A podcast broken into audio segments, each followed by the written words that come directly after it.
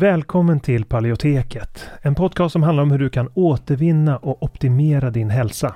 Vi presenterar spännande forskning, praktiska verktyg och inspirerande berättelser som ska hjälpa dig att ta makten över din egen hälsa. Vi som gör podden heter Karl Hultén och Anna-Maria Norman. En bristande maghälsa kan ge symptom i helt andra delar av kroppen. Det är något som många tyvärr inte känner till trots att mer än en miljon svenskar har IBS idag. Alltså problem med magen. Och tyvärr är magproblem i de flesta fall inkörsporten till annan ohälsa. Det kan vara inflammation, diffusa symptom, allergier eller autoimmun sjukdom. Och för att möta den här trenden av växande behov så har vi utvecklat kursen Maghälsa på djupet. Där vi går på djupet med att vända dålig maghälsa som SIBO och IBS. Och det här är viktiga delar av kursen som vi talar om och den senaste forskningen på de områdena. Och vi djupdyker i vad forskningen säger om de senaste naturliga terapiformerna, kostmetoder, kosttillskott, probiotika och så vidare. Och kursen den kickar igång fredagen den 3 maj och har fyra olika faser och tre frågestunder live. Och dessutom har vi olika resurser och guider att ladda ner från kursplattformen. Så du kommer få lära dig allt om hur du kan använda kosten som en väg till läkning, när, var och hur, hur du kan använda olika kosttillskott och probiotika. Och om du redan är medlem i Hälsodetektiverna så får du som vanligt en rabatt på allt vi gör, så även den här kursen. Och den här kursen tror vi är en perfekt väg för dig mot en bättre maghälsa där du inte bara får lära dig ett metodiskt tillvägagångssätt för att minska dina symptom utan också förstå de underliggande orsakerna.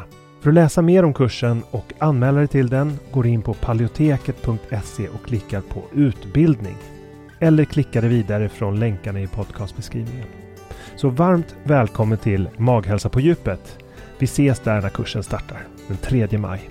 Innan vi kör igång med dagens tema vill jag påminna om att den här podcasten har ett utbildande syfte och inte utgör medicinsk rådgivning. Nu kör vi!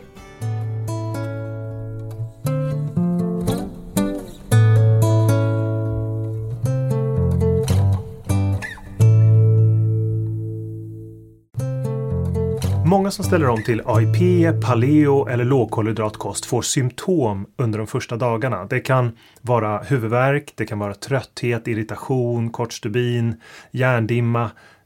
Symptomen kan se ut på väldigt många olika sätt. Det kan rent av kännas som att man är sjuk.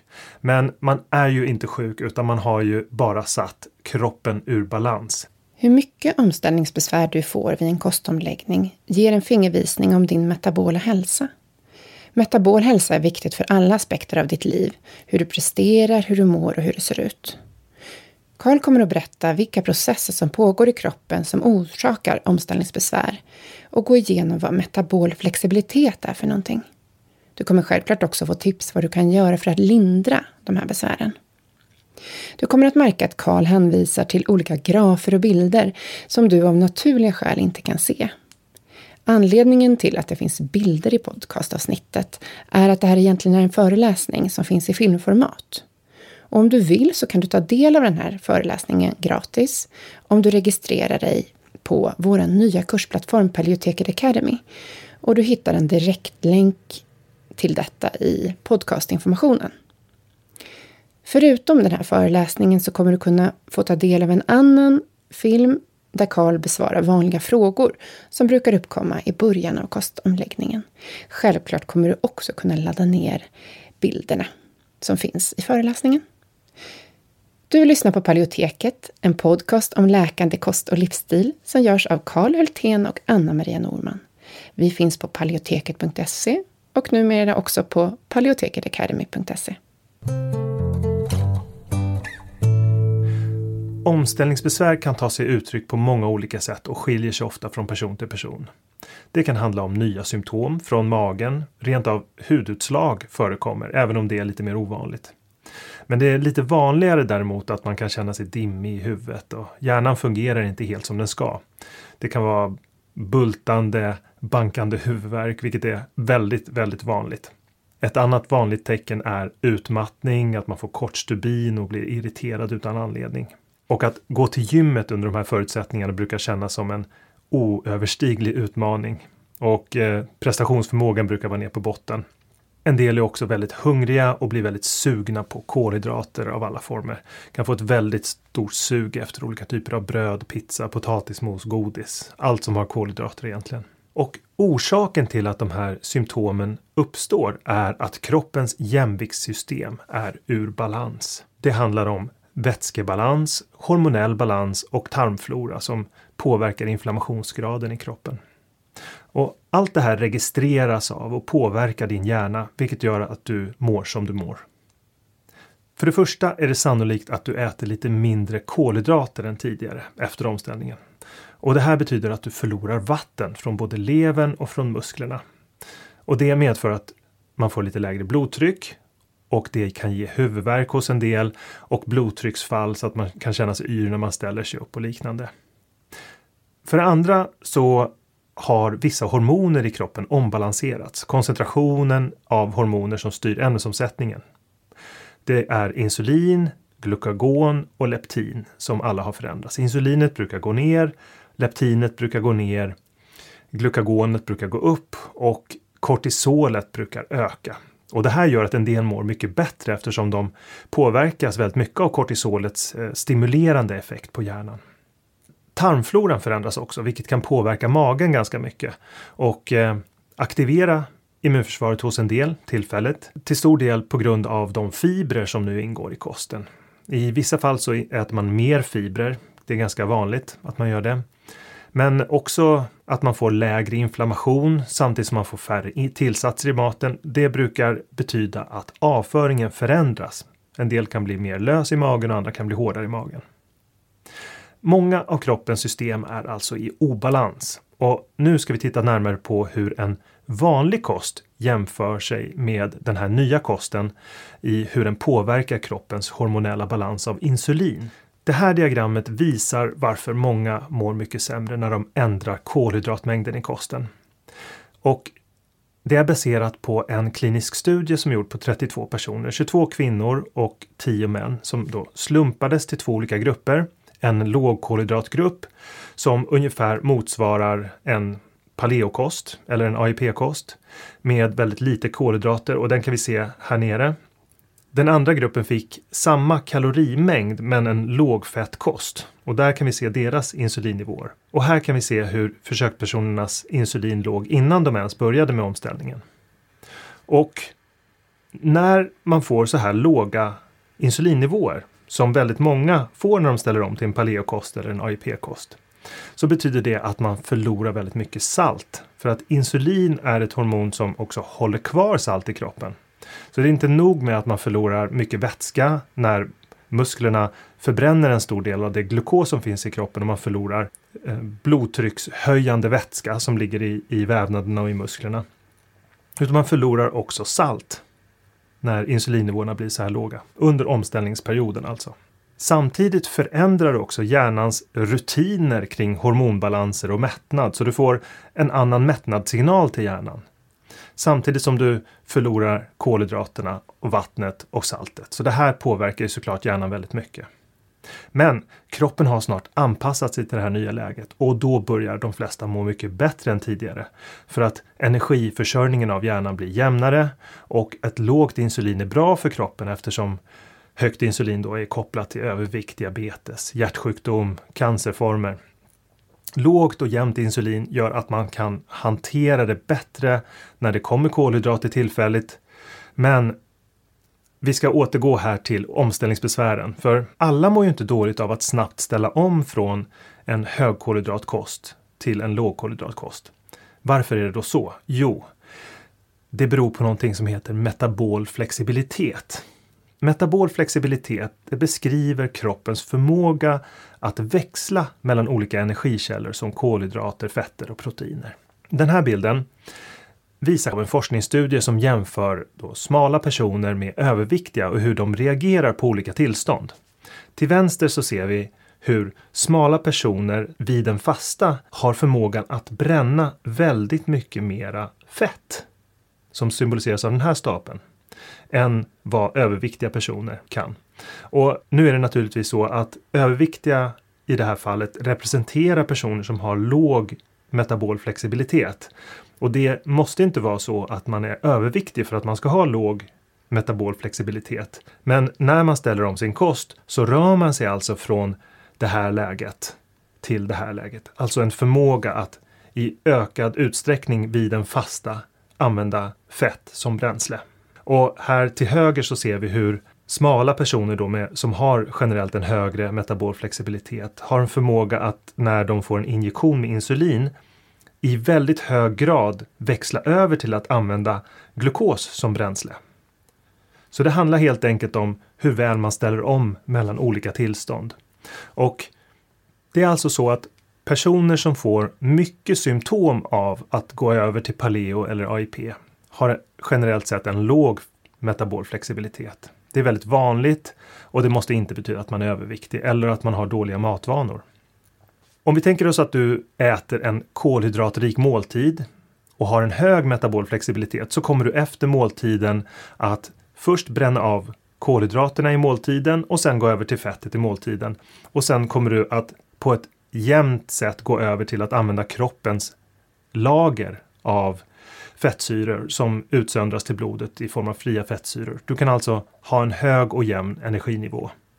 Men om du har en låg metabol flexibilitet och äter en kolhydratrik måltid så kommer du förmodligen först att bränna igenom kolhydraterna och sen så kommer det bli en energidipp där du kommer känna irritation och sugenhet och eh, kroppen kommer få olika hungersignaler och hjärnan kommer känna av en obalans. Så den låga metabola flexibiliteten betyder att man hela tiden pendlar mellan olika lägen och hjärnan får aldrig lugn och ro utan måste hela tiden försöka anpassa sig med hjälp av eh, kraftiga hormonella signaler. För de allra flesta så brukar den här omställningen ta ungefär två veckor. Och omställningen är i de flesta fall över när insulinkänsligheten har gått upp tillräckligt mycket för att på ett effektivt sätt kontrollera blodsockret. Och eh, att maskineriet i muskelcellerna och fettcellerna och hjärnan är på plats för att utföra fettförbränning. Och det brukar följa med inflammationsutvecklingen i kroppen. Alltså när inflammationsgraden i kroppen har gått ner tillräckligt mycket så brukar insulinkänsligheten också öka. Och då är det viktigt att komma ihåg två saker. För det första att det är möjligt att mildra eller helt undvika omställningsbesvären genom några enkla åtgärder. Och det andra är såklart att symptomen är tillfälliga och på andra sidan så brukar de flesta må betydligt bättre än vad du gjorde tidigare med de här varierande energinivåerna. Så vad ska man då göra? Jo, om du tidigare ätit en kolhydratrik kost så kan det vara bra att börja med att äta lite mer av kolhydratrika rotfrukter och sen senare trappa ner till omkring 50 till 100 gram kolhydrater per dag. Det kan göra att omställningen blir lite mildare. För det andra så kan det hjälpa att dricka mer vatten än tidigare, 1,5 till 2,5 liter per dag. Du kan också få ett stort sug efter salt, vilket är helt naturligt eftersom du förlorar mer salt än tidigare. Och ett sätt att mildra de här omställningsbesvären är ju att dricka mer vatten tillsammans med salt förstås. Och då brukar 3 gram salt per dag vara ganska lagom. 3 gram extra salt per dag.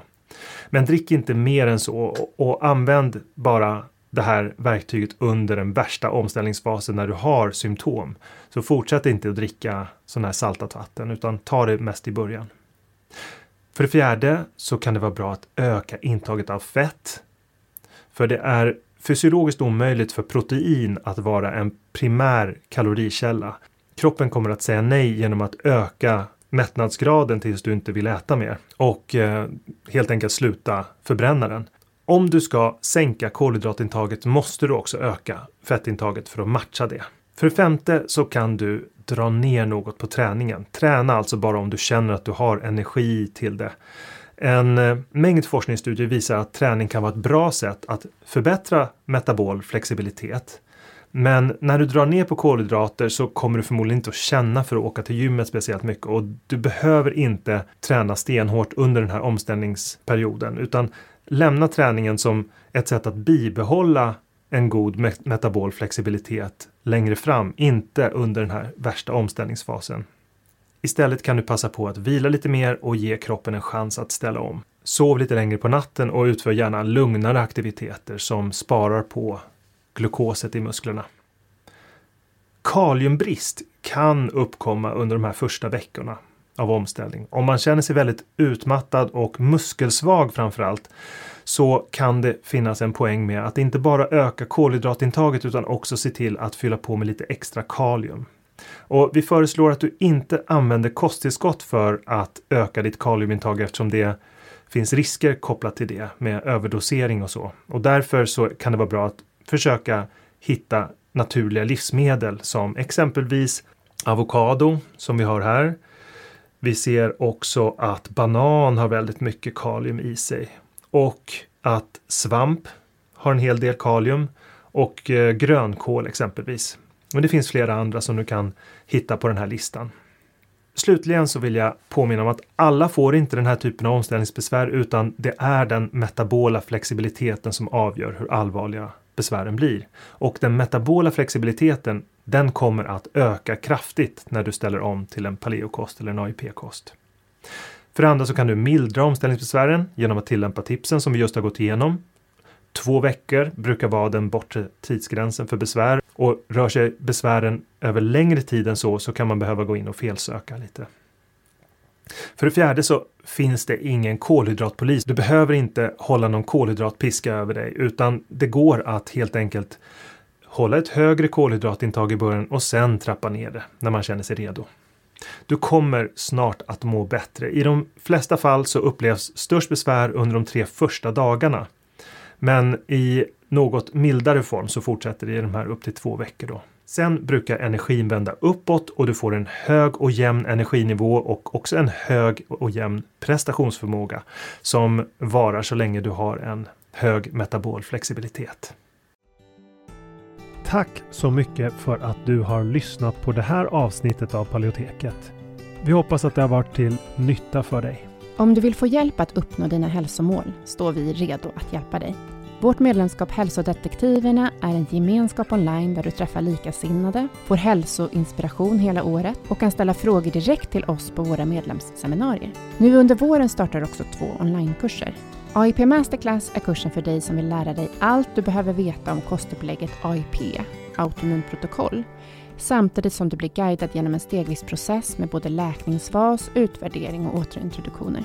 Sen har vi kursen Maghälsa på djupet som riktar sig till dig med IBS och misstänkt eller konstaterad SIBO. Vi fokuserar helt på vad du kan göra med kost, livsstil och strategiskt utvalda kosttillskott. För dig som föredrar att läsa finns också våra fyra böcker. Besök paleoteket.se för att veta mer och glöm inte att prenumerera på vårt nyhetsbrev. Du hittar länkar i beskrivningen till podcastavsnittet.